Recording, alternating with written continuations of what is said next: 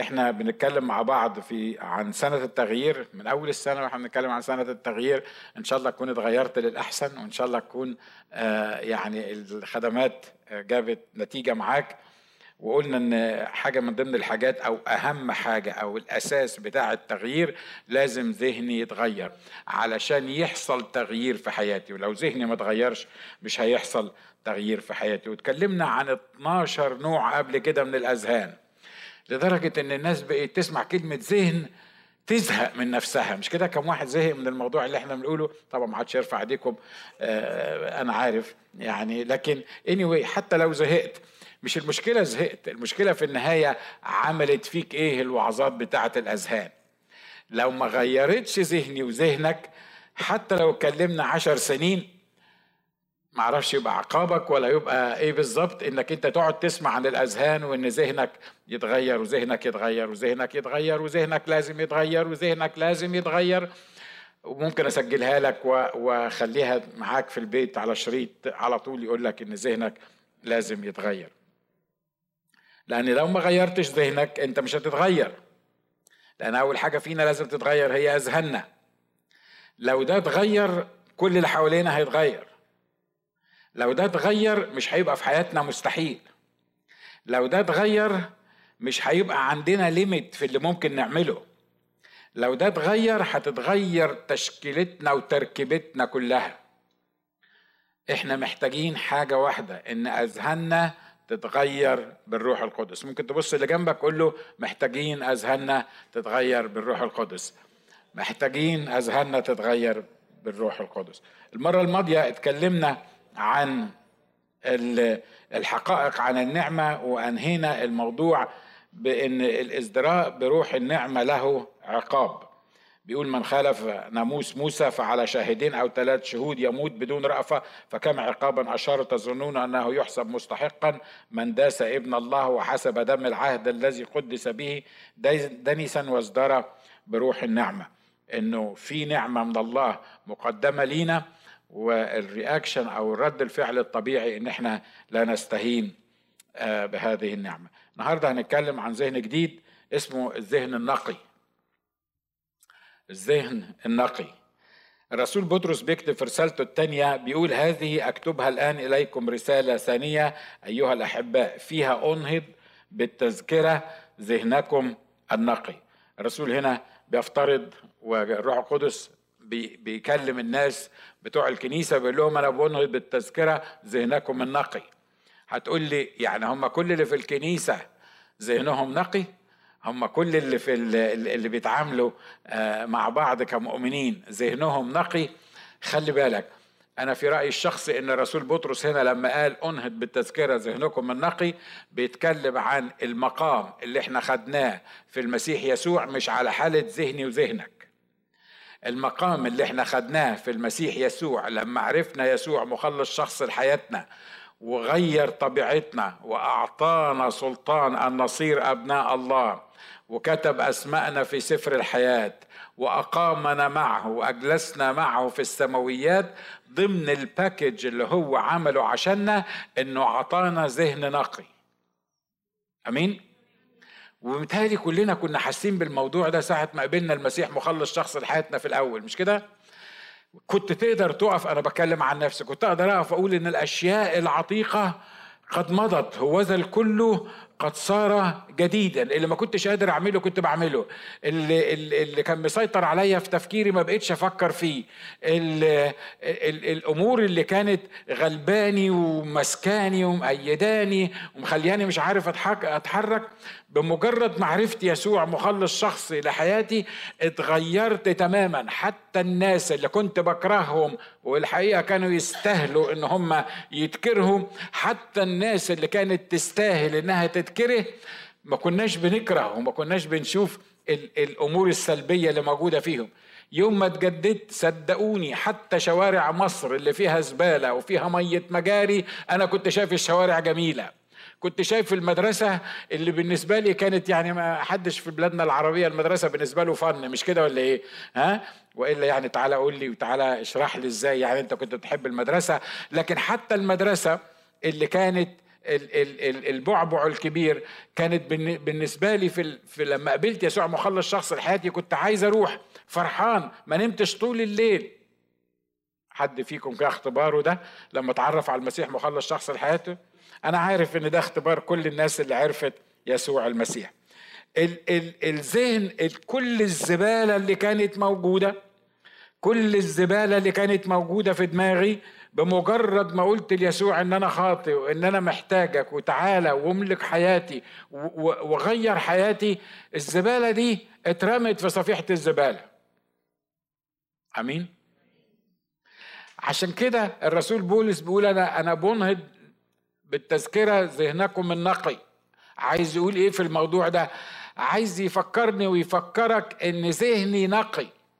حتى لو ذهني أنا عايش وهو بيتلوث بأمور كتيرة أنت مقامك ومقامي اللي عطاهوني المسيح ساعة ما مخلص شخص لحياتي عطاني ذهن نقي.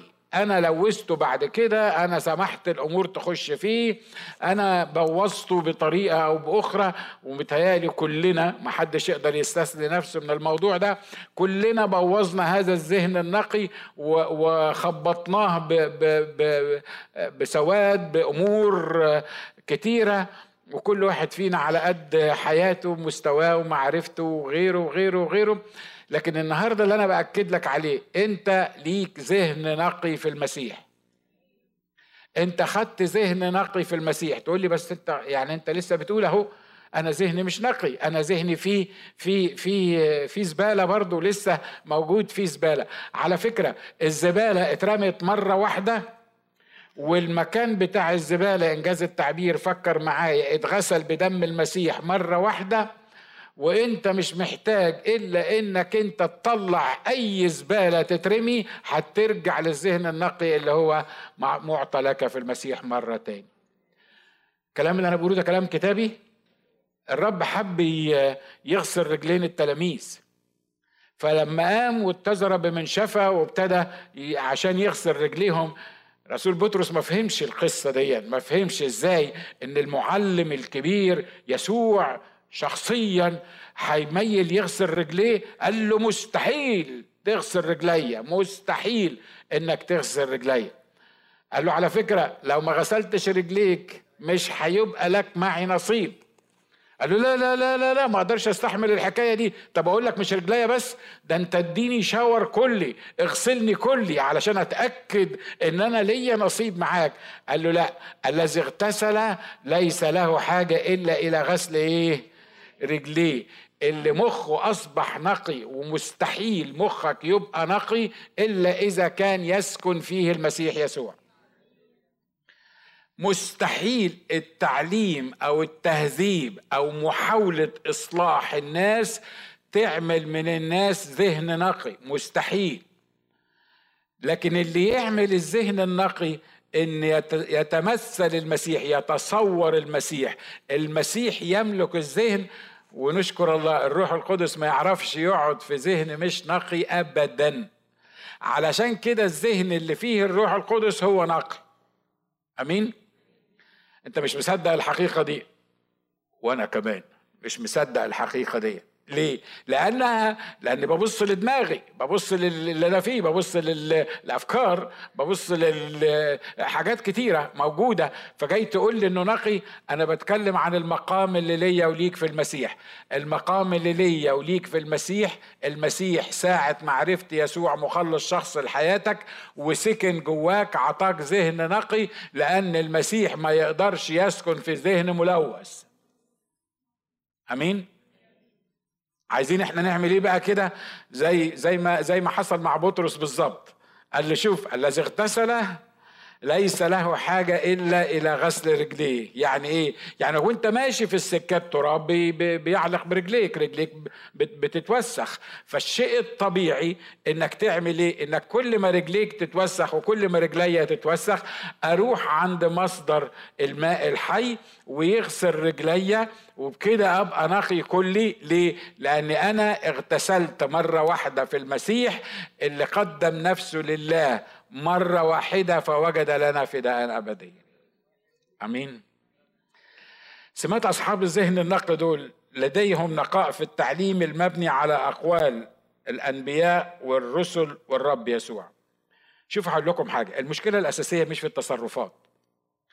إحنا بنعمل الخطية لأن إحنا مش مبنيين صح على أساس الرسل والأنبياء ويسوع المسيح وحده حجر الزاوية إحنا بنعمل الخطية إحنا ذهننا بيتلوث. ليه؟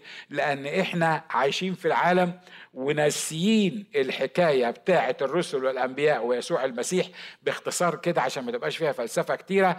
يسوع مش حي فينا. تقول لي يعني إيه يسوع مش حي فينا؟ ويسوع ممكن يبقى ميت فينا. لا يسوع مش ميت فينا. يسوع ما يموتش.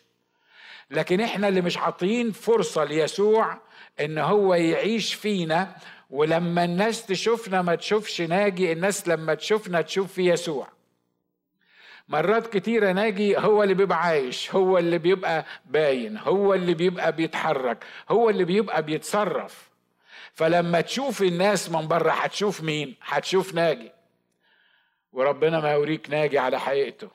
ليه؟ لأنه ناجي حلو وسكر بالنسبة لك انت لكن ناجي بالنسبة لناجي مصيبة سودة.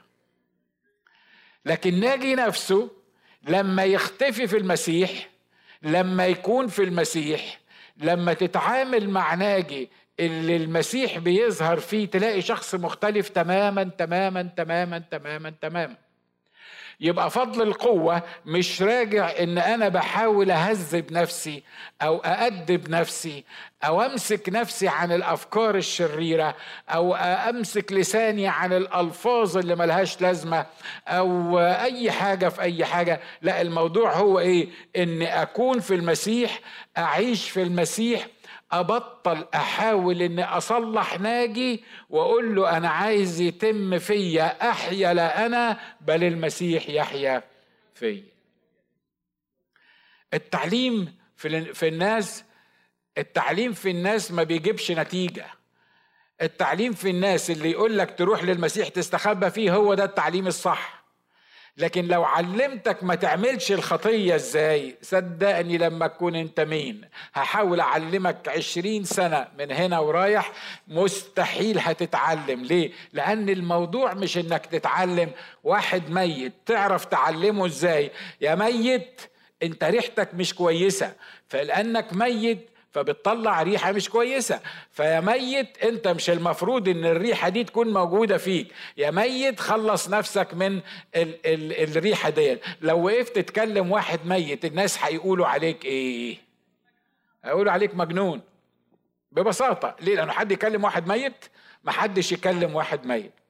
لكن لما المسيح فاكرين مرسى ومريم؟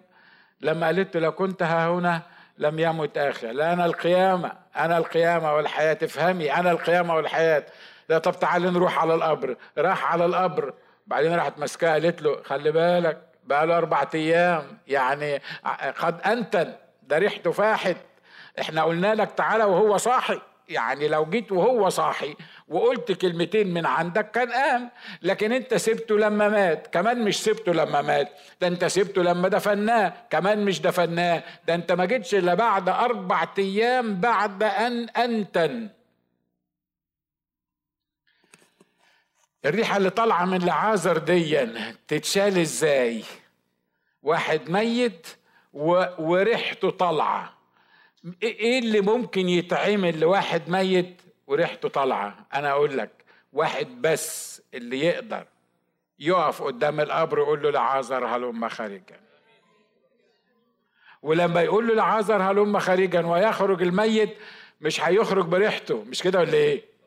هو قد أنتن وفي القبر بس لما قام وطلع من القبر ما طلعش بريحته. ما طلعش بالنتانة اللي موجود فيها ما طلعش بالخياسة زي ما أنتم بتقولوا بالعراق اللي موجود فيها. لا ده طلع قال لهم حلوة ودعوه يذهب وبعدين راحوا واتأكلوا مع بعض وقعدوا مع بعض وفرحوا مع بعض وإحنا لسه بنتكلم على الأخ العازر بعد ألفين سنة. الجماعة دول أصحاب الذهن النقي لديهم نقاء في التعليم المبني على أقوال الأنبياء والرسل والرب في بطرس اثنين آه، بطرس الثانية 2 3 بيقول تذكروا الأقوال التي قالها سابقا الأنبياء القديسون؟ ووصيتنا نحن الرسل وصية الرب والمخلص. خلي بالكم هنا بيتكلم عن اللي قالها سابقا الأنبياء وصيتنا نحن الرسل ووصيه الرب. ال ال الدنيا كلها بتاعتنا كمؤمنين كمسيحيين بتتكون من ثلاث حاجات مبنيين على أساس الرسل والأنبياء ويسوع المسيح وحده حجر الايه؟ حجر الزاوية.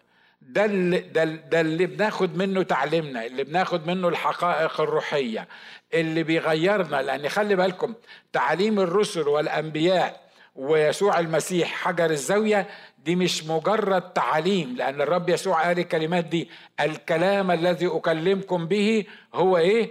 روح وحياة. ده مش مجرد كلام ده مش مجرد حبر على ورق ده مش مجرد تعليم ده مش مجرد تعليمكم إزاي تحبوا بعض ولا تتخلصوا من خطايا معينة ولا تسووا. لا لا لا. الكلام اللي طالع من فم الرب يسوع ده حياة. زي ما نفخ كده في القديم وقال لهم مثلا اقبلوا الروح القدس أو نفخ فيهم نسمة حياة. الله الكلام اللي طالع من فم الرب يسوع المسيح ده روح وحياة. واللي طالع من فم الأنبياء لأنه لم يتكلم نبي أو رسول قط من عنده بل تكلم أناس الله القديسون مسوقين بالروح القدس. فالكلام ده اللي إحنا مبنيين عليه هو ده اللي بيعمل القلب النقي. أمين؟ بص بقى خلينا واضحين مع بعض.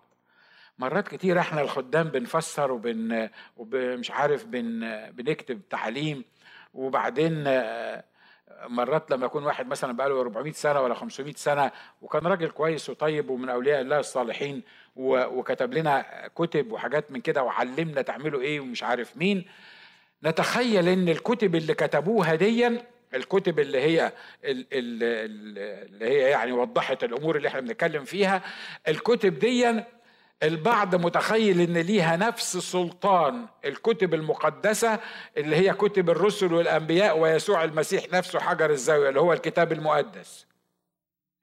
فلما تيجي تتكلم عن عن أي حاجة عارف إحنا مرات كتيرة بنلوم المسلمين على إيه؟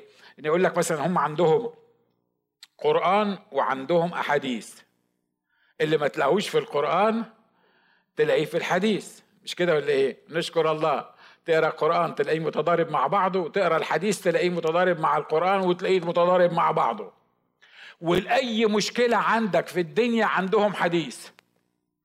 وعندك لو عندك مشكلة واحدة يطلعوا لك 13 حديث ليهم يعني كل واحد في اختلاف بطريقة أو بأخرى. ده مش درس في الإسلاميات أنا مش بتكلم عن درس في الإسلاميات دلوقتي. لكن خلي بالك أنا بتكلم عننا إحنا كأحياء كمؤمنين كمسيحيين. إحنا كمان بنعمل إيه؟ عندنا الكتاب المقدس لكن عندنا حاجات تاني جنب الكتاب المقدس. تقول له الكتاب ما بيقولش كده يقول لك يعني انت احسن من فلان الفلاني انت احسن من الآباء اللي قالوا لنا مش عارف إيه انت احسن من الكتاب الفلاني اللي إحنا معتمدينه واللي قال الكلام ده. يا عم أنا لا أحسن ولا أوحش. أنا بقول لك الكتاب المقدس بيقول حقيقة واحد زائد واحد يساوي اتنين. يقول لك آه مش الرب قال إن أشياء أخر كثيرة عملها المسيح؟ ما تدونتش في الكتب لأنه لو كان دونها ما كانتش كانش العالم كله هيسعى الكتب. آه اهي الحاجات دي بقى اللي إحنا دونها لك. خلي بالك إن الكتاب قال إن الحاجات اللي عملها المسيح مش الحاجات اللي أنا فتيت فيها من ألفين سنة هي اللي اتحطت في كتاب تاني وأنا مطلوب مني أمشي عليه واتبعه. واضح اللي أنا عايز أقوله ده؟ أسهل طريقة تبوظ بيها دماغك. اسمعني كويس.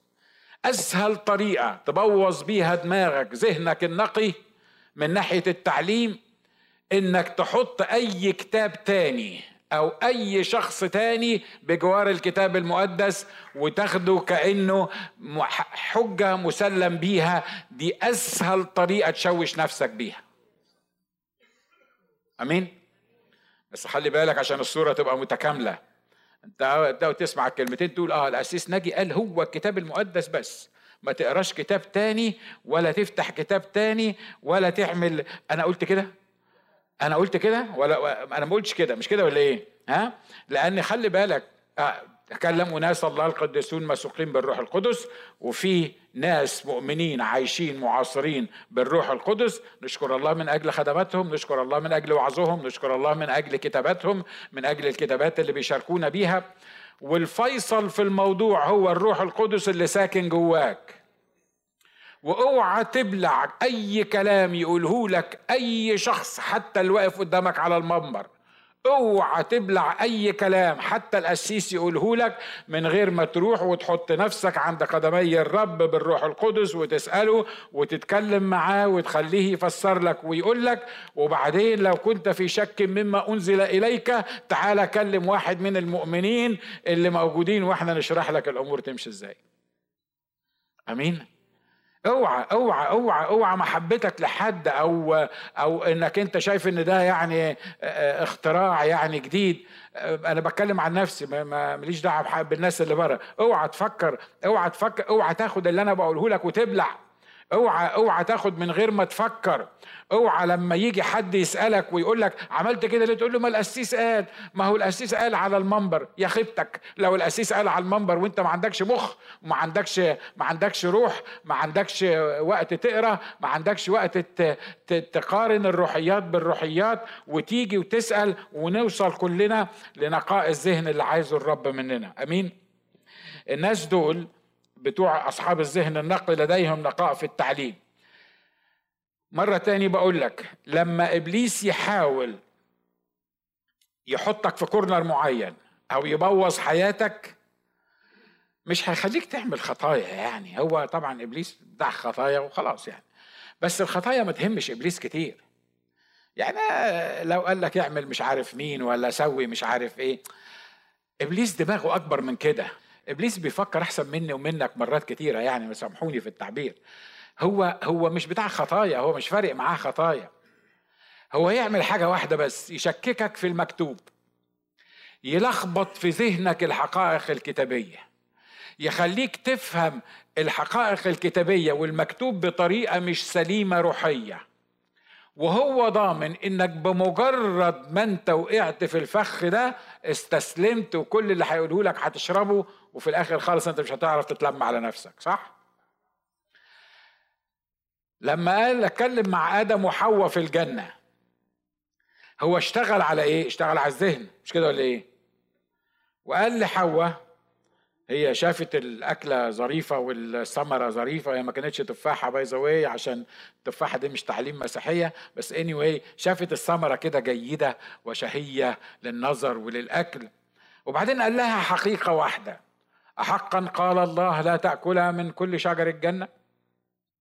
فهي ردت عليه لا من كل شجر الجنة نأكل. أما شجرة معرفة الخير والشر التي في وسط الجنة ما ناكلش منها وما نلمسهاش. زودت عليها إيه؟ هو قال لك ما تلمسهاش. وبعدين العدو قال إيه؟ العدو قال لها لا لا لا لا. الله عارف إن أنتوا لما تاكلوا من من الشجرة دي تنفتح أعينكما وتصيران إيه؟ كالله. إحنا هم نسيوا حكاية الثمرة. هم الموضوع دلوقتي مش إنها تاكل من الثمرة. خلي بالك من اللي أنا بقوله. الموضوع مش إنها تاكل من الثمرة دي ولا ما تاكلش. الموضوع اللي قصده العدو معاها هو تشكيكها في كلام الله ونخليها تفهم كلام الله بأسلوبه هو أسلوب العدو. وأول ما قبلت الحقيقة دي ما كانش عندها مشكلة إنها تاكل من الثمرة. ليه؟ لأن التعليم اللي في دماغها لأن الوصية اللي في دماغها لأن اللي قاله الرب وحطه جوه دماغهم النهارده هي بتشك فيه وبالتالي هي اتعاملت مع الثمرة دي مش كثمرة لأن هي لو فكرت للحظات كانت قالت يعني هي ثمره هتعمل لي إيه يعني؟ يعني أنا هاكل من الثمرة دي أنا هتعمل لي إيه؟ وبعدين الرب قال ما تاكلش منها لكن هي ما فكرتش بالمنظر ده هو عمل إيه؟ هو قدر يتوست التعليم الإلهي الأوامر الإلهية الكلام الكتابي ويحركها بس حاجة بسيطة جدا. ما قالهاش إن ربنا كذاب ما قالهاش إن هو لا ده هو قال لها إيه؟ قال لها هو عارف إن يوم تاكلا منها تنفتح أعينكما وتصيران كالله آه يبقى ربنا بقى مش عايزنا ناكل من الحكاية دي ليه؟ عشان ما نبقاش زيه. قصة مختلفة تماما عن الوصايا الكتابية الإلهية لآدم وحواء مش كده ولا إيه؟ وما كانتش تعرف إنها لو كلت منها هتطرد من الجنة. وما كانتش تعرف إن من إحسان الله إنه يوقف لهم كروب على باب الجنة عشان ما يخشوش. لحسن كان في شجرة تانية اسمها شجرة الحياة اللي كلوا من الشجرة دي نروح ياكلوا من شجر الحياة يعيشوا طول عمرهم عريانين ويعيشوا طول عمرهم تعبانين. في الجنة صحيح لكن يعيشوا طول عمرهم تعبانين. واضح اللي أنا عايز أقوله؟ الذهن النقي اللي. اللي اللي يشتهي اللبن العقلي زي ما قال الكتاب العديم الايه؟ الغش. كلمة الله المبنية على الكتاب المقدس فقط وليس شيء آخر سوى ذلك مهما كانت الظروف. آمين؟ الحاجة الثانية الناس أصحاب الذهن النقي دول بيقول لا يخفى عليهم شيء. عالمين هذا اولا أنه سيأتي في آخر الأيام أنا هخلص عند النقطة دي علشان أنا وعدتكم إني هخلص بدري النهارده. عالمين هذا اولا أنه سيأتي في آخر الأيام قوم مستهزئون سالكين بحسب شهوات أنفسهم وقائلين أين هو موعد مجيئه؟ لأنه من حين رقد الآباء كل شيء باق هكذا من بدء الخليقة. ولكن لا يخفى عليكم هذا الشيء الواحد أيها الأحباء. أن يوما واحدا عند الرب كألف سنة وألف سنة كيوم واحد. لا يتباطأ الرب عن وعده كما يحسب قوم التباطؤ. لكنه يتأنى علينا وهو لا يشاء أن يهلك أناس بل أن يقبل الجميع إلى التوبة. خلي بالكم الرسول هنا بيقول لهم إيه؟ بيقول لهم يا إخوة أنا أنتوا الناس بتوع الذهن النقي دول أنتوا ما يستخباش عليكم حاجة أنتوا ما تتاخدوش على غفلة أنتوا ما يتقلكمش أي كلام وتقبلوه في منتهى البساطة.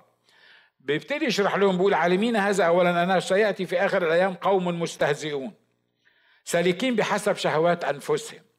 متهيألي ما أكثر المستهزئين اللي حوالينا مش كده ولا إيه؟ ها؟ بتلاقيهم في التلفزيون وفي الراديو وفي وفي الشارع وفي في بيتكم وفي في أي حتة في أي حتة تلاقي يعني فكرة النهاء اللي بيقولوها ديا وبيضحكوا علينا دي فكرة يعني كل شوية بتكتر زيادة وإحنا عايشين في وسط المجتمع ده. بيقول خلي بالك إن أنه سيأتي في آخر الأيام قوم مستهزئين سالكين بحسب إيه؟ بحسب شهوات أنفسهم وقائلين أين هو موعد مجيئه؟ لأنه من حين رقد الآباء كل شيء باق هكذا من بدء الخليقة. مش ده اللي إحنا بنسمعه دلوقتي؟ لما تكلم الناس عن مجيء المسيح الناس بتيجي بتجيت اكسايتد يعني وبت وبتقول لك أمين تعالى ايها الرب يسوع. أنا بتكلم مش بس على الخطاة اللي بره أنا بتكلم على المؤمنين. لما تقول له حبيبي يسوع ممكن يجي في أي لحظة يقول لك بقول لك يا اخ ناجي بقالكم 2000 سنة بتقولوا لنا يسوع هيجي سمعت الكلام ده قبل كده؟ ها؟ مش عايز أقول لك قلته لنفسك قبل كده ولا لأ لأن في ناس بتقوله لنفسها وهي قاعدة كده. أول ما تسمع إن على الأبواب والرب يقول لك على الأبواب إيه؟ 67 لما حصلت حرب 67 قالوا لنا على الأبواب ومش هتكمل لغاية 70 وبعدين طلع واحد فتلنا إنه حاجة و70 هيجي. وبعدين لما قامت حرب 73 قالوا لنا ده ده هتبقى حرب عالمية وكان على الأبواب. وبعدين لما مش عارف حصل حرب العراق وحرب مش عارف مين سمعت الحكاية بتاعت الأبواب دي كم مرة؟ والخدام غاويين حكاية على الأبواب. على فكرة على الأبواب. قرب يجي. على الأبواب. سواء اقتنعت بالحكاية دي أو إيه ما اقتنعتش بالحكاية دي. الرسول بطرس بالروح القدس وهو ده اللي يخليك ترجع للكلمة بقى. الرسول بطرس بالروح القدس شاف إن بعد ألفين سنة من الكلام اللي كتب فيه الكلام ده إن هيجي قوم مستهزئين. أول ما تقول لهم الرب جاي يقول لك يا عم بقى فضونا سيرة. فضونا سيرة من حكاية الرب جاي دي. عمالين ترعبونا بس وعمالين تقولوا لنا الرب جاي. على فكرة مجيء الرب الثاني مش هيرعب غير الخطاة اللي ما يعرفوش يسوع مخلص شخص لحياتهم. لكن مجيء الرب الثاني مش هيفاجئنا كلص هو هيجي كلص للخطاة. لكن مش هيفاجئ المؤمنين لأن المؤمنين مطالبين إن هم يقولوا أمين تعالى أيها الرب يسوع في كل لحظة. وأي أناس أنتم ينبغي أن تكونوا زي ما بيقول الرسول إن كان فعلا الرب جاي يبقى إحنا لازم نكون مستعدين للموضوع ده. بيقول ولكن لا يخفى عليكم هذا الشيء الواحد أيها الأحباء. الناس بتوع الذهن النقي دول اللي بيكلمهم الرسول بطرس بيقول لهم ما يخفاش عليكم. هقول لكم حاجة من ضمن الحاجات اللي لا تخفى عليكم. عايز أقول لك حاجة لما يكون ذهنك نقي مش مشوش وعلى فكرة لما بقول نقي مش يعني أنا عارف طبعا إن الناس فاكرة نقي يبقى معناها نجس يبقى معناها مش عارف مين ودايما بيروحوا في اتجاه معين كده لا داعي لتفسيره على المنبر. مش كده ولا إيه؟ ها؟ لكن مش بس يعني هي مش النجاسة بس اللي, اللي ممكن تكون بتفكر فيها. إحنا بنتكلم واتكلمنا قبل كده عن عن النجاسة في التعليم. أسوأ مئة مرة من النجاسة العادية الطبيعية وهم كل النجاسة كلمة نجاسة هي أصلا نجاسة وخلصنا من من الاثنين واضح اللي أنا عايز أقوله.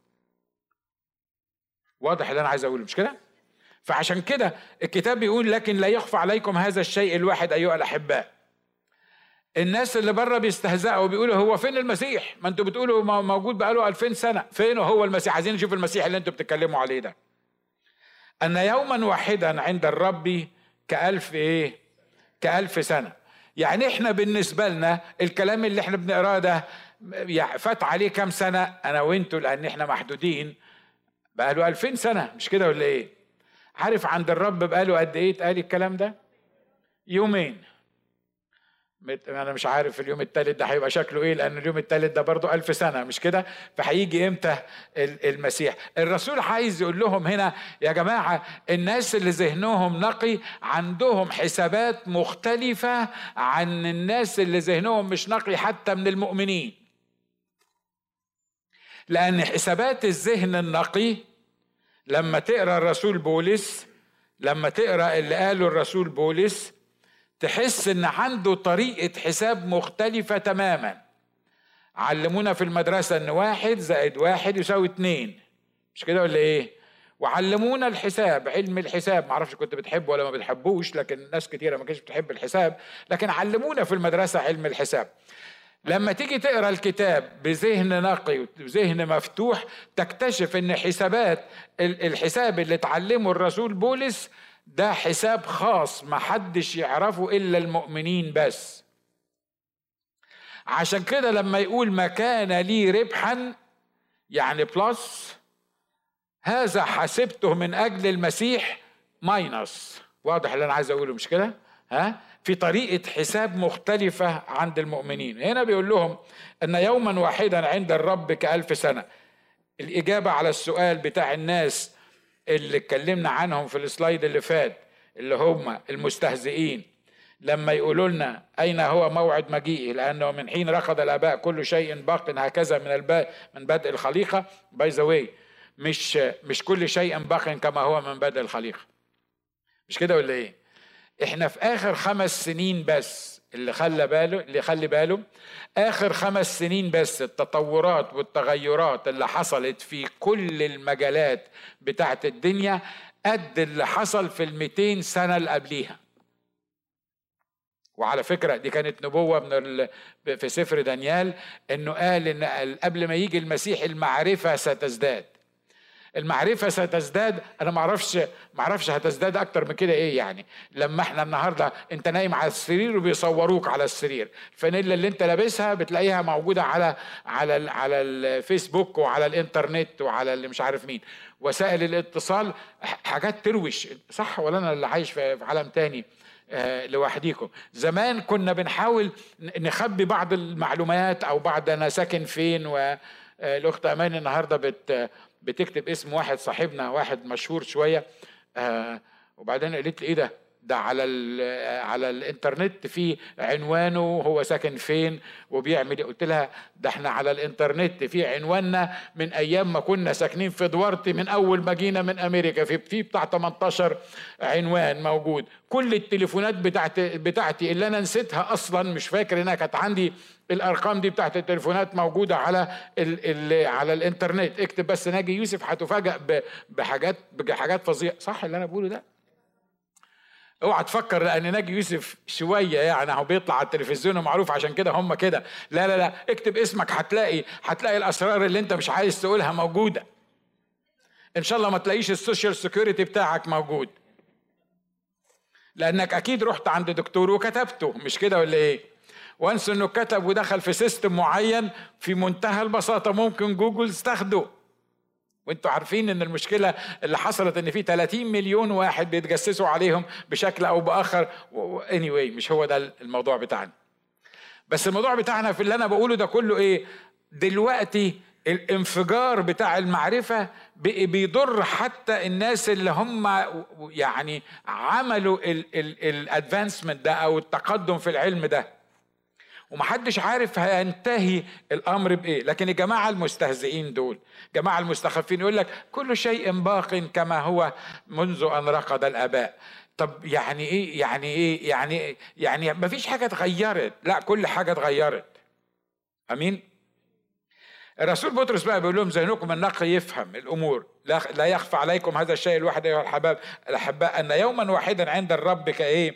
كألف سنة. وألف سنة كيوم واحدا تقول انت لخبطتنا كده يعني هم الألف سنة كيوم واحد ولا ولا يوما واحدا كألف سنة؟ أنا ما لخبطتكش هو الكتاب اللي قال الكلام ده. انت ما تفكرش في الألف سنة انت فكر في النهاردة اللي انت عايش فيه واعرف ان يسوع على الأبواب وقرب يجي على الأبواب. أمين؟ بيقول الكلمات دي الحقيقة التانية اللي يفهموها الناس بالأذهان النقية لا يتباطأ الرب عن وحده كما يحسب قوم التباطؤ. يعني إيه؟ يا عم انت إحنا بقالك ألفين سنة بتقول لنا إن المسيح جاي. ده مش متباطئ. يعني يعني هو هو نسي الموضوع هو هو مأخر ليه مجيئه. قال لا يا جماعة ده مش تباطؤ. اللي عنده ذهن نقي يقدر يفهم ده مش تباطؤ زي ما بيحسب قوم التباطؤ. لكنه بيعمل إيه؟ بيتأنى علينا. في فرق بين إنك أنت تقول إن يسوع مش جاي لأنه الكلام ده مش مظبوط ومش هيحصل وفي فرق إنك تعرف إن يسوع ما جاش على انه بيتأنى عليك. أمين؟ ومش لازم بس على الاختطاف. في حياتنا العادية اليومية في فرق إنك أنت تعرف إن يسوع مش عايز ياخد منك موقف معين مش عايز يظهر في الصورة مش عايزك تعمل حاجة معينة لأنه بيتأنى عليك ولأنه بيحبك ولأنه لا يشاء أن يهلك أحد بل أن يقبل الناس جميعا إلى إيه؟ إلى التوبة. يعني هو المسيح بقاله ألفين سنة ليه ما جاش؟ هو مش واخد باله إنه قال أنا آتي سريعا لا هو واخد باله إنه قال أنا آتي سريعا. حاجتين بسرعة. اولا إن هو يوم عنده كألف سنة الحاجة التانية لو جه يسوع هتبقى مصيبة. لو جه يسوع هتبقى كارثة. لو أنا وأنت مش مستعدين لمجيء المسيح هتبقى مصيبة. طوعني طوعني اوعى في وسط الكنيسة تقول أمين تعالى ايها الرب يسوع. لحسن لو جه دلوقتي هتبقى مشكلتك سودة. لو ما عرفتش يسوع مخلص شخص لحياتك ما فيش فرصة تاني. عشان كده هو يمكن النهارده جاب حد زي ما سمعنا من عادل مثلا يمكن جاب حد النهارده ما يعرفش يسوع مخلص شخص لحياته وجابه مخصوص عشان يقول له يا حبيبي فوق وروق وفتح عينيك واعرف إن يسوع هو المخلص الوحيد وتعالى سلم حياتك للمسيح لأنك مش ضامن إنك تيجي الأسبوع الجاي الاجتماع سواء كنت في الكنيسة سواء كنت على التلفزيون سواء كنت في, في أي حتة بتسمعنا أنت مش ضامن عمرك وعمري لمدة ثواني. وده مش أنا مجرد بخوفك لا ده أنا بحط لك إنك لما يبقى عندك ذهن نقي أنت باي ذا لو ما عرفتش يسوع مخلص شخص لحياتك ما عندكش ذهن نقي. بس لما يبقى عندك ذهن نقي هتبتدي تفهم إن الكلام اللي أنا كنت بسمعه ده والكلام اللي ما كانش بيأثر فيا كان بسبب إن أنا عندي تراش في ذهني ذهني مش نقي وكانت الأمور متداخلة في ذهني. أنا مش قادر أفهم الحقيقة. آخر حاجة أقولها لك في النقطة دي لو كان المسيح جاي حقيقي وجاي بسرعة فأي أناس نحن ينبغي أن نكون؟ مش كده؟ أنا مش من النوع اللي بيحمل الناس بعود الذنب وحاسسهم إنتوا مقصرين وإنتوا مقصرين والمسيح جاي ولو مش عارف مين أنت لازم تعمل الحكاية دي. أنا ما عنديش الطريقة دي. بس أنا عايزك تفكر بذهنك النقي. لو الكلام اللي أنا بقوله واللي الكتاب قاله إن المسيح جاي بسرعة هتفكر تعمل إيه؟ لو انت لو أنت يعني يعني أنا هسيبك طبعا مش هفكر معاك لأن أنت عارف ظروفك وأنت عارف لو أنت يعني متأكد إن يسوع جاي بعد أسبوع هتعمل إيه؟ لما تروح البيت اعمل ده واجب. ماشي؟ هات ورقة وقلم واكتب يسوع جاي بعد أسبوع. إيه اللي ممكن تعمله في خلال الأسبوع ده؟ وخليك واقعي لأن أنا عارف إنك ممكن تكتب أنا هقعد رافع إيديا كده وباصص للسماء لمدة أسبوع واتصالح معاه وأحكي معاه عشان لما يجي بعد أسبوع ياخدني وأنا رافع إيديا للسماء حتى لو كانت فكرة عتزه كده اكتبها. أنا بتكلم جد. أنا بتكلم جد. اكتب. اكتب. ما تقولش لنفسك أنا عارف إن ولا 10% منكم هيعملوا الواجب ده. أنا متأكد. عارفين ليه؟ لأن إحنا بشر ما بنحبش لا نكتب ولا نحب بتاع بعدين تروح بيتك يقول لك اعمل اسيس ده فايق اكتب إيه؟ أمسك ورقة وقلم واقعد أكتب بتاع لكن صدقوني اللي هيكتب حياته ممكن تختلف تماما اكتب لو أنت عارف إن يسوع جاي قبل الحد اللي جاي هتعمل إيه في حياتك؟ هتصلح إيه في حياتك بالظبط؟ هتطلب إيه في الأسبوع الأخير؟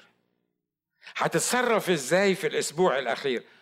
طبعا أنا مش عايز أقول لك لو لو ده آخر أسبوع في عمرك. ها؟ لأنه لو يسوع جه هيبقى آخر أسبوع في عمرك الأرضي. يعني عشان ما نبقاش بس أنا مش عايز أبقى نيجاتيف وأجيب لك الناحية السوداء. إنك أنت بتقول يا ساتر الراجل الفقري ده بيقول لنا أكتب آخر أسبوع في حياتك هتعمل فيه إيه؟ لما يجي يسوع هو ده آخر أسبوع في حياتك على الأرض. فأنا هجيبها لك بالطريقة الإيجابية. فهمني مش كده ولا إيه؟ فهمني وأنت آه، آه، خدها زي ما أنت عايز. امسك ورقة وقلم كده واكتب. الأسبوع اللي جاي لو يسوع جاي يوم الحد اللي جاي الصبح هيحصل إيه في حياتك؟ هتعمل إيه؟ إيه اللي ممكن تغيره؟ إيه اللي ممكن تضيفه؟ هل هتروح تعتذر لحد وتقول له أنا آسف على اللي حصل بيني وبينك؟ هل هتروح ترد مسلوب؟ سلبته من حد؟ هل هتروح توضح موقفك في حاجة معينة؟ هل هتسامح حد وتحبه من قلبك؟ هل هتغفر لحد؟ لأن خلي بالك انه لما يجي كل الكلام ده هنعطي عنه حساب. هل هل في خلال الأسبوع ده هتقول معلش يا جماعة ده إحنا فاضل لنا أسبوع؟ ده أنا فاضل لي أسبوع واحد وأروح السماء فأنا هسامحه من قلبي. ليه؟ لأنه فاضل أسبوع واحد. عارفين المشكلة الكبيرة هي إيه؟ إن إحنا مرات بنفكر زي القوم المستهزئين دول وبنقول منذ كل شيء باق كما آه، كان منذ أن رقد الآباء. ما بنفكرش حقيقي في مجيء المسيح وبالتالي ما بنستعد بنستعدش لمجيء المسيح وبنعيش بنفس الطريقة الغلط اللي إحنا عايشين بيها لأن فكرة مجيء المسيح مش واردة على دماغنا. حد زعلان مني؟ أنا معاكم في نفس المركب باي ذا أنا مش بس بوعظكم أنا معاكم في نفس المركب. ليه؟ لأن محدش فينا بيفكر إن بعد أسبوع هيموت ولا بعد أسبوع هيقابل المسيح وخصوصا الشباب. ليه؟ لأن الشباب شباب بقى يعني عارف آه، متوسط العمر مش عارف كام دلوقتي بقي موجود. فأنا يعني أنتوا نكديين كده ليه؟ عمالين تقولوا لنا هيجي والمسيح وياخدكم يا عم قول لنا على آه، كاليفورنيا بيتشز والجمال اللي موجود ونقدر نعمل إيه ونقدر نسوي إيه إنما هتقول لنا هتقول لنا المسيح وجاي بصوا للي جنبك قول له المسيح جاي لو جه الأسبوع ده هتعمل إيه ها فكروا بالحكاية دي امسك ورقة وقلم واكتب. لو يسوع جاي الأسبوع الجاي مش عايز أشاور بصباعي على أي حد من الموجودين. أنت نعسان أنت غفلان أنت اللي مش واخد بالك إن المسيح أصلا جاي. لو قدامك أسبوع واحد هتعمل فيه إيه؟ وطي راسك معايا وصلي. حاسب نفسك. محدش هيحاسبك. حاسب نفسك واسأل نفسك.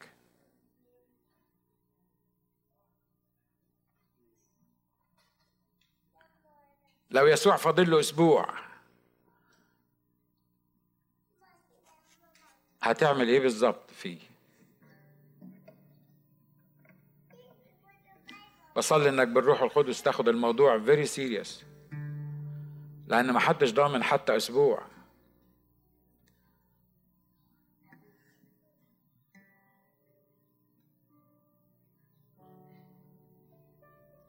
يا ترى في حسابات مش متصفية بينك وبين حد؟ وانت مش واخد بالك إن ممكن الأمر ينتهي في لحظة؟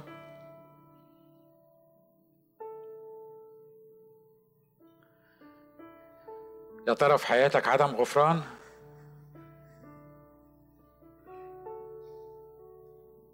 وبقاله سنين والرب متأني لأنه لا يشاء أن يهلك أحد. وبدل ما تقدر نعمة الله الممنوحة ليك في المسيح بتستهين وتستهزأ وتقول كل شيء باق كما هو منذ أن رقد الآباء.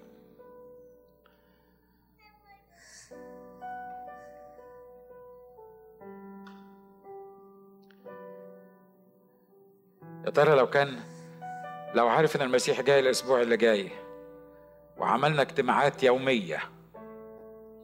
كم مرة هتيجي؟ كم مرة هتحضر؟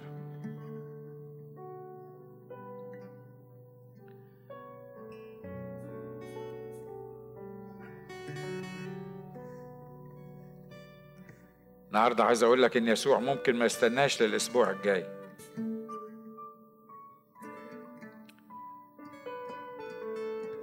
وحياتي وحياتك محدش ضامنها للأسبوع الجاي.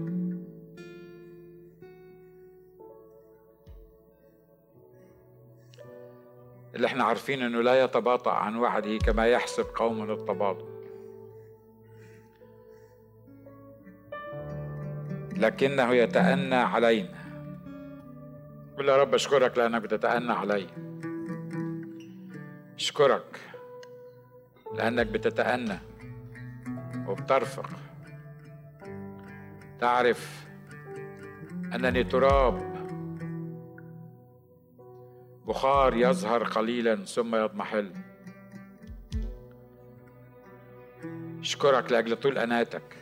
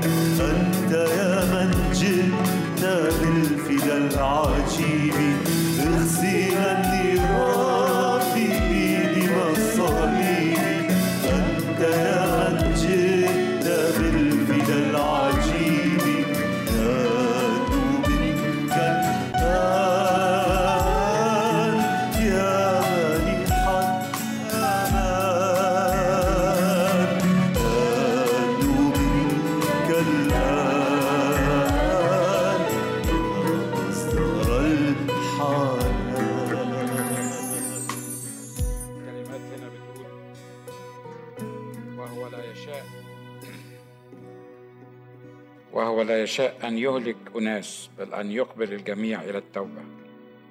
خلونا خلونا نقضي دقايق في الصلاة مع بعض. الرب بيتأنى لأنه عايز يقتادك ويقتادني للتوبة.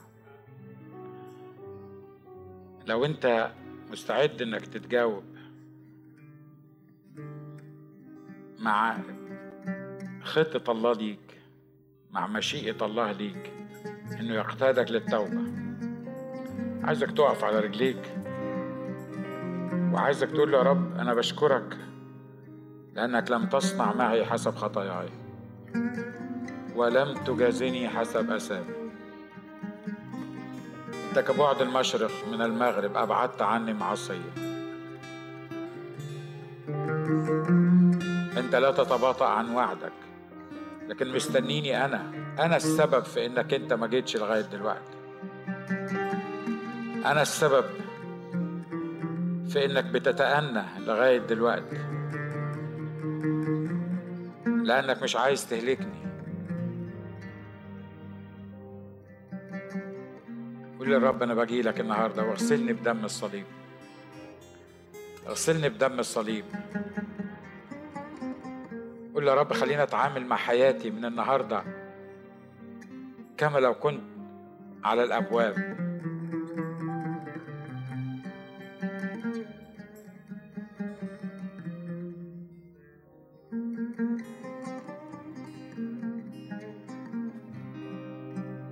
في رحابك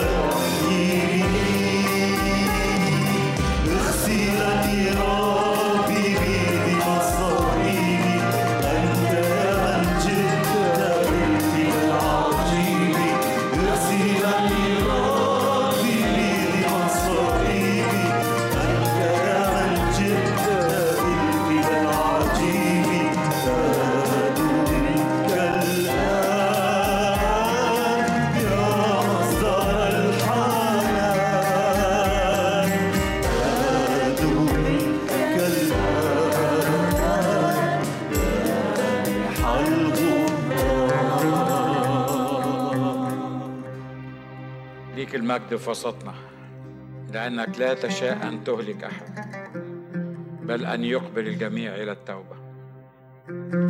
بصلي يا رب لأجل توبة حقيقية في قلبي وفي كل قلب سواء موجود في هذا المكان أو بيسمعنا بأي وسيلة من الوسائل.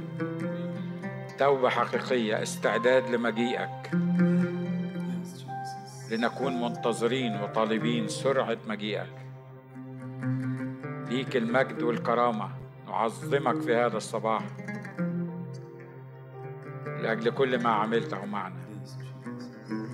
مبارك اسمك إلى الأبد. مبارك اسمك إلى الأبد. مجدا للرب.